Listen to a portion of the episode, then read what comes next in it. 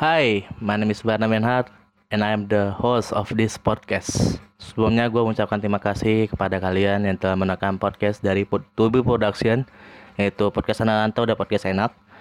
Dan sekarang kita berada di podcast Enak dan gua masih belum bisa untuk mendatangkan narasumber atau mungkin diajak untuk collab. Uh, tapi ini bersedia untuk buat telepon. Mari kita telepon dulu dia.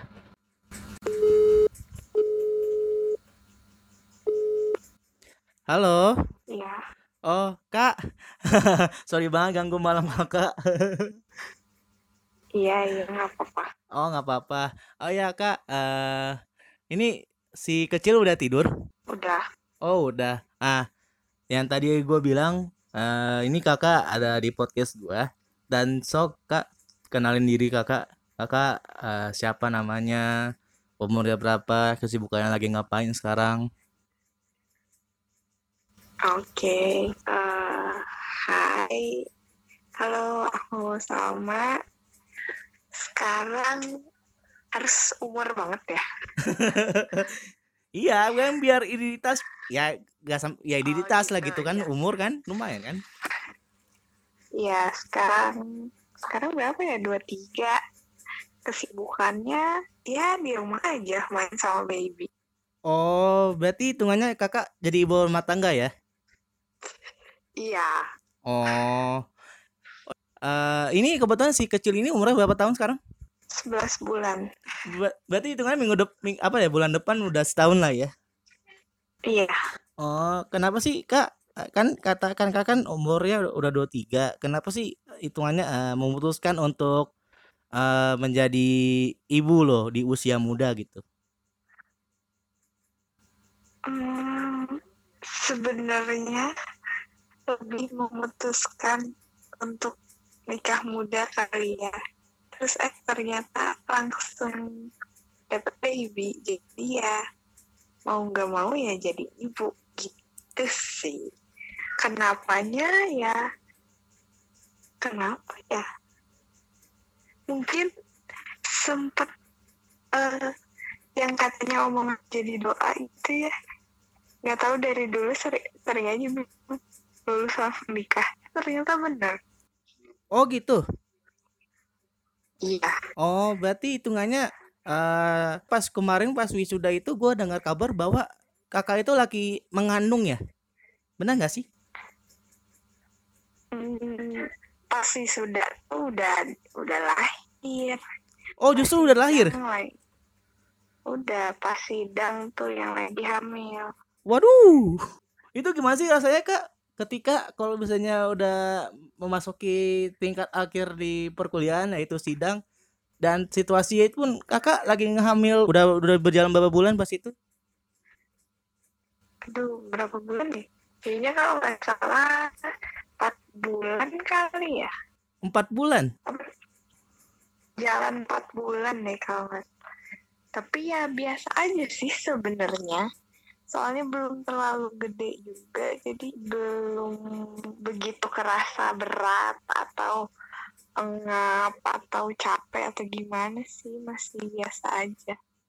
Oh gitu. Dan gimana sih uh, perasaan kakak ketika kalau misalnya udah hitungannya kan seperti yang aku udah pernah rasain lah hitungannya kan kalau sidang kan ada uji apa tuh kayak ada penguji deg-degan di atas atas apa tuh kayak di presentasiin. Tapi ini perasaannya lebih deg-degan lagi ketika kakak udah mengandung malah apa kayak disuruh untuk mempresentasikan gitu. Gimana sih perasaan kakak ketika pas itu? Apakah kayak makin stres lagi? Apa mungkin makin lebih capek lagi? Apa gimana kak? Sebenarnya yang stres di awal tuh karena apa ya? Mungkin ya gambling aja kan takut pengujinya ribet gitu. Tapi ya alhamdulillah nya dapet pengujinya yang santai banget. Jadi nggak nggak nggak under pressure gitu. Jadi ya udah berjalan lancar aja santai. Hmm, dan uh, respon orang-orang ketika kakak udah udah dapat baby di usia muda ini apa sih respon-respon orang? Apakah negatif atau mungkin positif gitu? Ya mostly pasti positif kayak ya lebih wah seru ya apa ya tapi kan ya sama aja sih namanya hidup juga kan bukan berarti nggak ada masalah gitu. Ya tetap aja. Seru beda tapi ya selalu ada plus minusnya lah. Hmm, bisa dibagiin nggak sih Kak cerita Kakak gitu loh ketika dari awal eh hitungannya sudah memutuskan untuk menikah muda sampai hitungannya sekarang di usia 23 tahun ini udah punya baby yang umur 11 bulan gitu bisa dibagikan gitu cerita gitu Kak. ceritanya dari mana nih Mulai Bebas dari- yang mungkin memorable buat Kakak atau mungkin kayak layak buat di-sharing gitu. Tapi menurut Hmm, referensi pengalaman hidup Kakak gitu loh. sebenarnya gimana ya mungkin buat yang denger aja kali ya apa yang aku rasain dan tips-tipsnya gitu ya Boleh. ya ya mungkin untuk beberapa orang nikah muda impian ya nggak sih kayak masih muda udah nikah udah punya anak gitu Mungkin ada juga ada sih ya. bilang ya ada yang he- hebat banget tapi ada juga yang ya mau karir dulu habis lulus menikmati karir gitu. Ya pengalaman aku ya seneng senang happy apalagi ada baby seru juga gitu. Tapi ya jadi ibu itu berat loh gitu. Mungkin menurut aku gimana ya? Menurut aku jadi nikah itu nggak menghalangi apa pun mau karir mau gimana nikah tuh nggak menghalangi. Tapi kalau kalau udah punya baby udah beda cerita gitu. Jadi Oh. yang berat itu di saat tanggung jawab menjadi orang tua ya. Kalau misalkan kalau misalnya habis nikah suami istri belum punya anak sih masih nggak begitu besar perubahannya tapi setelah udah ada anak ya tanggung jawabnya udah besar sekali itu Hmm. sih Dan apa tuh hitungannya kayak eh, kenapa kakak memutuskan untuk menemani baby? Apakah mungkin kayak bagaimana ya? Kenapa kakak nggak memutuskan untuk jadi wanita karir lah hitungannya gitu? Apa bagaimana gitu keputusan Jadi kakak ibu, untuk ibu ibu bekerja gitu ya iya gitu? jujur pengen coba tapi mungkin belum. Kenapa gitu kak? karena belum aja karena gak tega aja untuk ninggalin anak. Dan jujur aku agak idealis ya nggak begitu percaya untuk nitipin ke meskipun ke orang tua percaya. Cuma aku pengen anak aku dididik sama orang tuanya. Gitu. sih Hmm, tapi kalau dari respon orang tua ketika kakak memutuskan untuk menikah dengan suami kakak, gimana responnya? Apakah dapat responnya positif? Apa justru kebalikannya?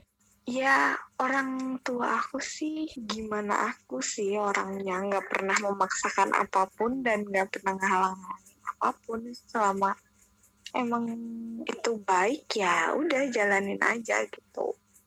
Lagian emang udah lama juga gitu. Ya apa ya dekatnya juga udah lama. Hmm, jadi hitungannya eh, melimpahkan semua keputusan dari orang tua kepada kakak itu semua lah ya.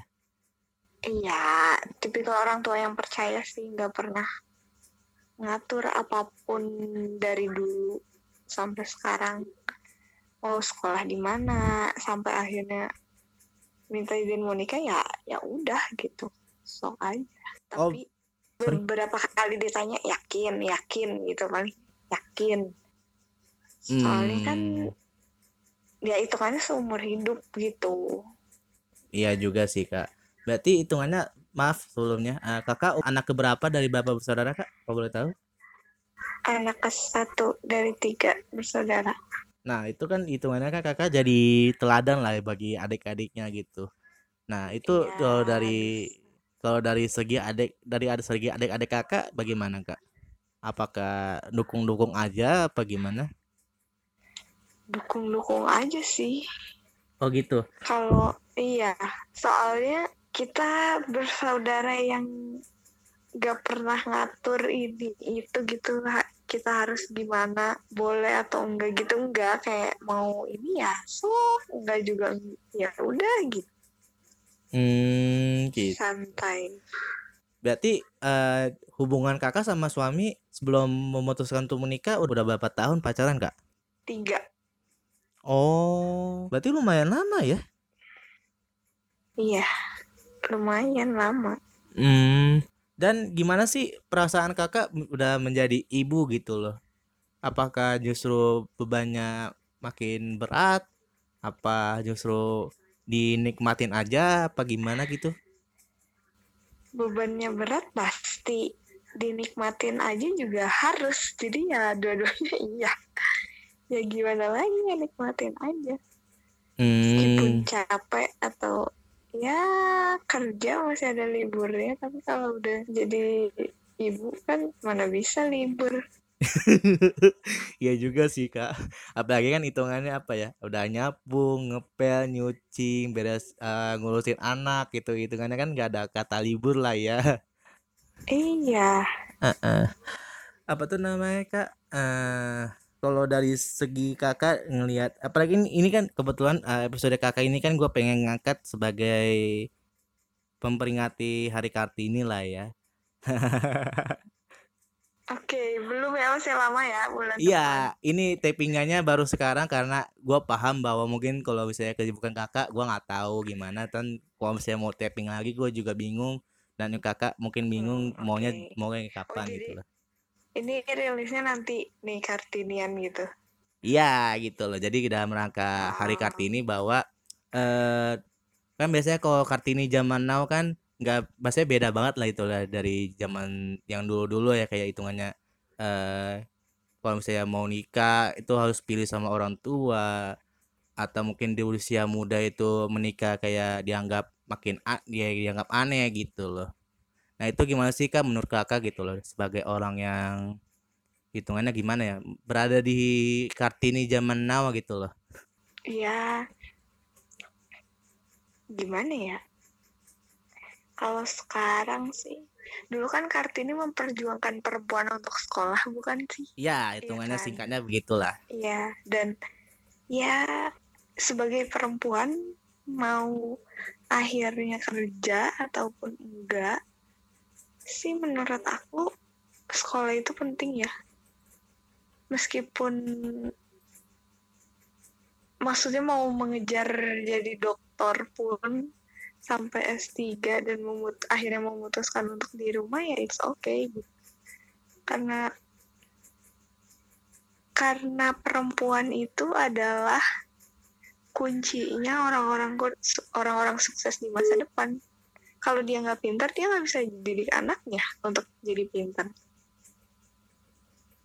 Karena yang ya penerus bangsa itu kan lahir dari perempuan-perempuan zaman sekarang bukan aduh diplomat sekali tapi bagus juga sih jadi quote itu kak iya ya maksudnya kuncinya itu perempuan perempuan harus pintar bukan mereka untuk cari uang ya untuk menghasilkan penerus bangsa yang berkualitas. Walaupun dari lulusan apa pun, lulusan jurusan apa pun gitu kak. Ah, ya apa pun karena ilmu apa pun gak berat dibawa-bawa kok. Yang penting kita bermanfaat untuk orang lain. Hmm, dan menurut kakak terhadap respon yang apa ya? Uh, ada orang lain yang memutuskan untuk menunda untuk nikah dulu atau mungkin meniti karir ada yang justru sama kayak kakak yang memutuskan untuk menikah dulu gitu itu gimana sih kak respon kakak apa pendapat kakak itu gimana ya itu pilihan hidup. Orang-orang beda sih ya.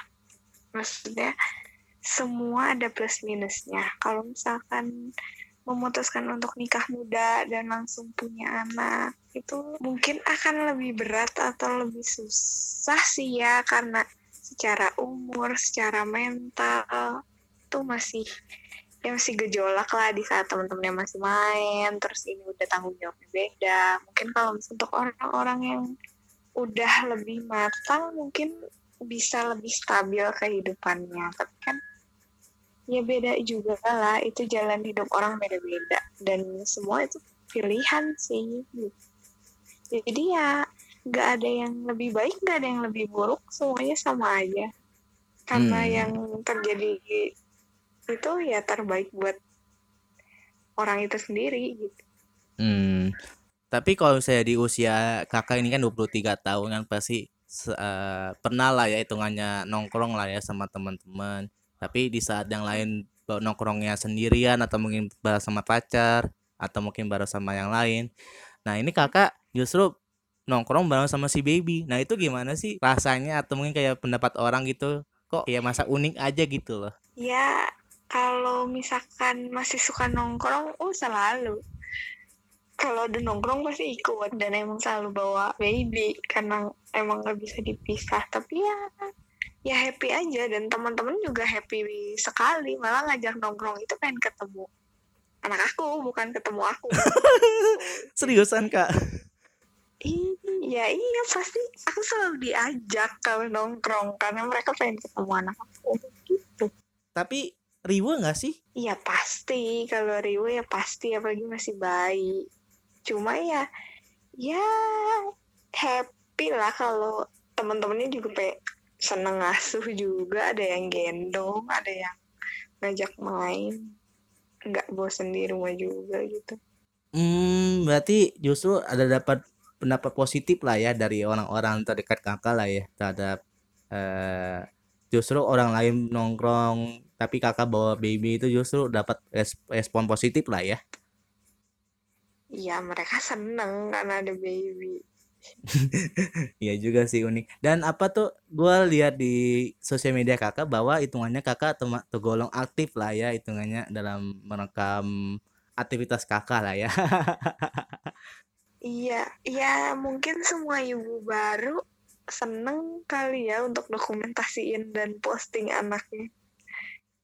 Nah, Tapi itu Nah itu kayak gimana sih kak menurut kakak apalagi kan eh, maaf kata gue pernah baca di artikel itu bahwa pernah ada eh, salah satu artis bayinya itu sampai kayak hitungannya maaf kata dijual gitu loh. Jadi kakak itu nggak ada rasa parno gitu loh. Eh ya sebenarnya kalau soal itu sih agak takut ya. Soalnya kan kayak mungkin kayak eksploitasi anak gitu mungkin ya. Tapi Hmm, kalau misalnya memang rezeki anaknya jadi selebgram ya alhamdulillah juga sebenarnya kan secara finansial. Itu kan rezeki anaknya berarti bukan rezeki orang tuanya. Tapi iya karena aku sendiri bukan selebgram jadi nggak seseram itu aja.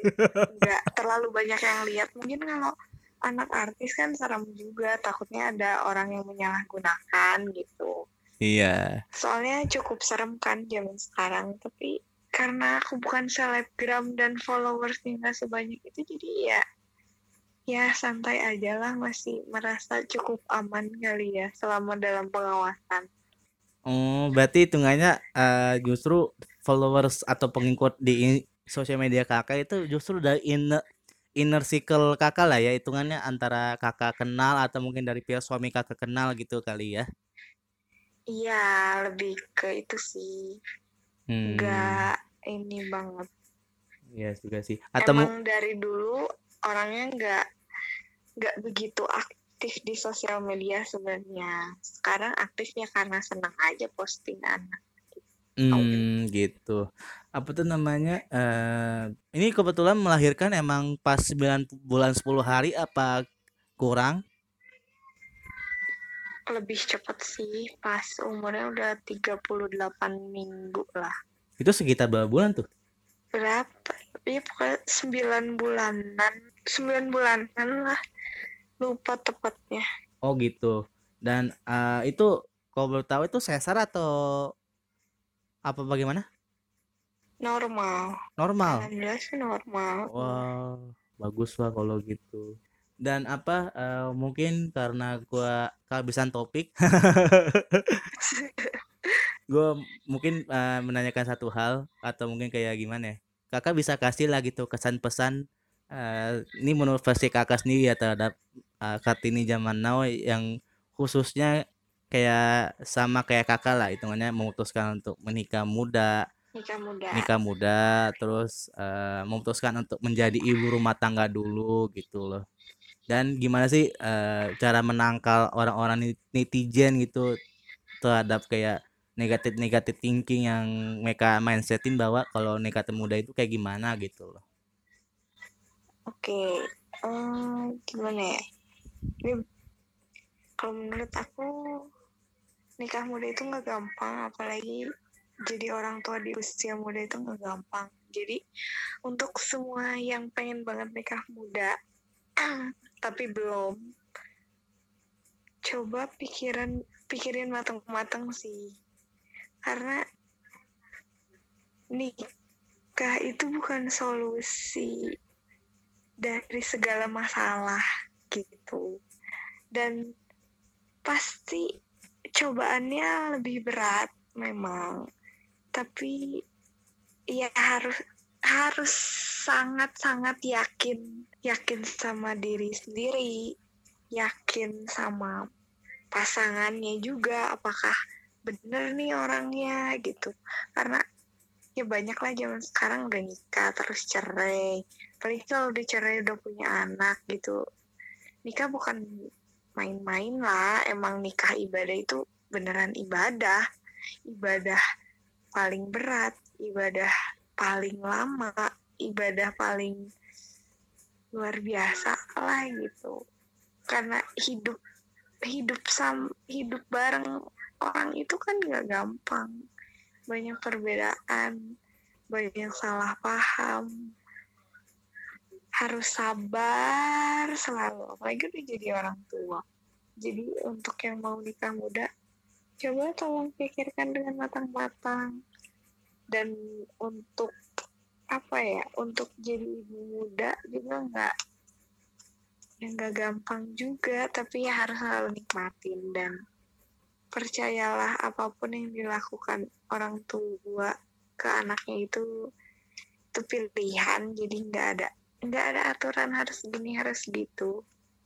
Semua pas semua orang tua pasti pengen yang terbaik sama anaknya. Jadi untuk netizen yang suka yang suka komen-komen negatif kok jadi ibu kayak gini? Kok jadi bapak kayak gini? Kok anaknya gini? Kok anaknya gitu? Tolong hargai aja deh kehidupan orang lain gitu. Jangan ngurusin hidup orang lain.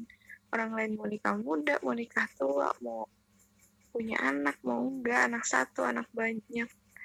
Anak yang mau di titipin di daycare dia kerja atau anak yang mau diurusin di rumah meskipun dia S2 atau S3 dia nggak kerja.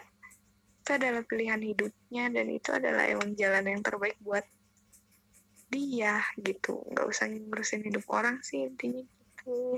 Kalau aku dan aku kalau nanggupin tanggapan yang negatif kadang baper kadang enggak tapi ya udahlah ya bodo amat. Hidup hidup gue gitu dia nggak ngebiayain hidup gue juga gitu terus ngapain dipikirin gitu sih. Iya juga sih kak ya. Oh ya kak berarti kakak pernah dapat head speech gak sih sebelumnya? Kalau head head speech sih nggak pernah ya alhamdulillah. Kalau soal nikah muda paling pas paling banyak pertanyaan kayak kenapa sih mau nikah muda? Kok yakin kok gitu? Paling kayak gitu. Gak ada yang head. Cuma dan paling sekarang setelah setelah apa ya? Setelah punya anak terus kalau anaknya kenapa-napa sih lebih ke kayak eh tapi yang paling bawel sih pasti orang tua sendiri ya. Kayak ini kayak anaknya kasih makan gitu-gitu gitu lebih ke yang kayak gitu sih.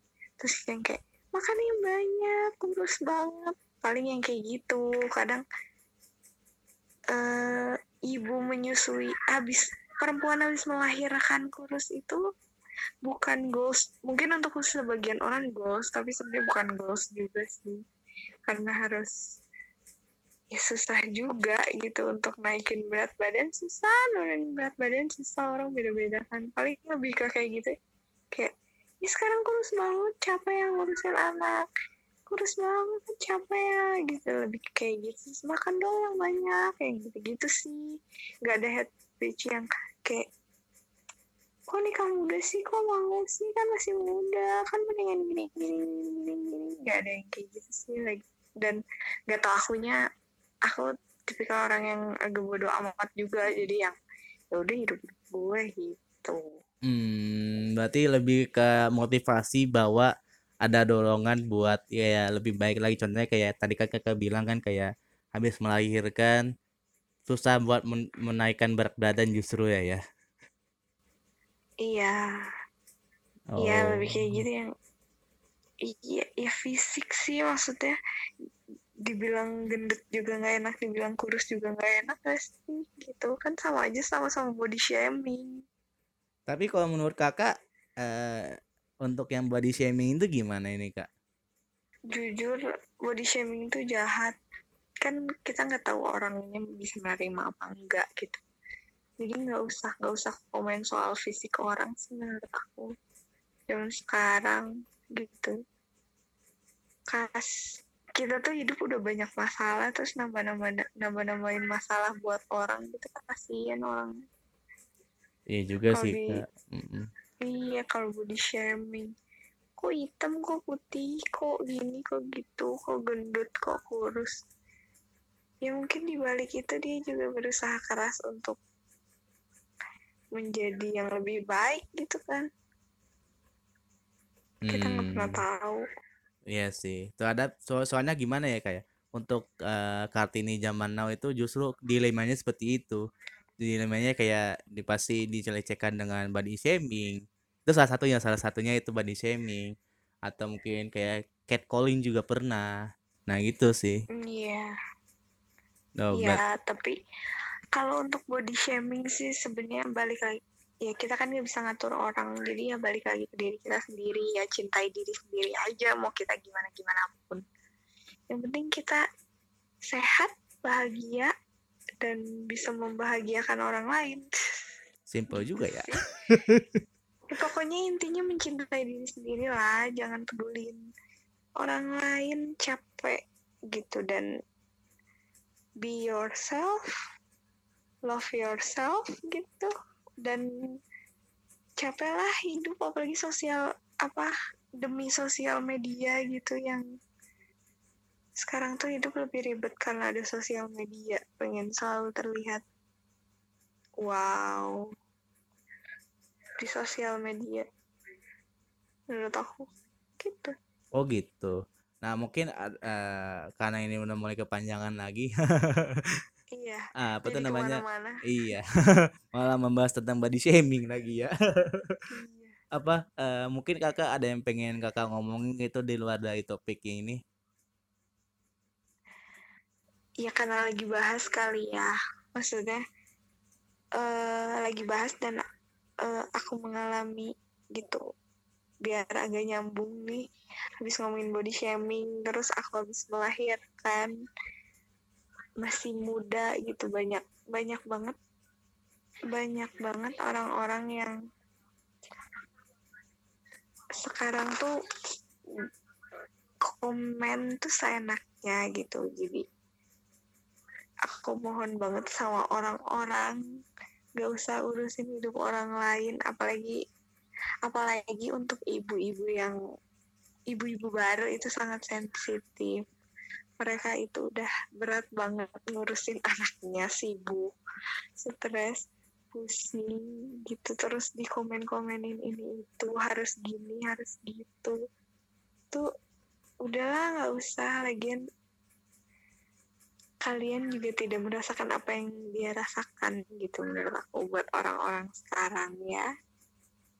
Jadi perempuan itu nggak gampang jadi jangan suka judge perempuan dengan mudahnya. Gitu sih. Oke. buat orang-orang. Itu bisa jadi quote sih kak. Apa kakak nyuri quote-nya dari mana gitu? Nggak juga sih. Nggak nyuri tapi ya ya yang aku lihat di sekitar aja. Hmm, oke deh sip. Thank you ya kak, sorry banget ganggu malam kakak. iya nggak apa-apa soalnya baru bisa santai malam-malam Waduh. tidur Sebelumnya gue pengen ngasih tahu aja kepada kalian bahwa ini gue tapping kepada kakak ini jam 11 malam. iya Dan tadi gue sempat dengar juga sih ada kerasa kerusuk dari si babynya itu mau bangun ya. iya Waduh. Jadi makin takut gua kalau misalnya apa. Dan apa tuh mungkin pertanyaan terakhir kepada ibu apa ibu muda. Gimana sih cara apa ya? Apalagi kan anak si baby ini kan pastinya bangunnya berantakan lah.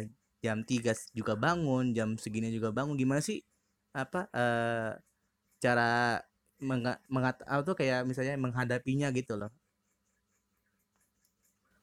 kalau menghadapinya ya kak biasanya kalau emang ibu ibunya pasti tahu lah kalau kalau malam bangun palingan minta nyusu doang jarang banget kalau anak aku sih jarang banget rewel minta digendong atau gimana. Asal disusuin juga nanti dia tidur lagi.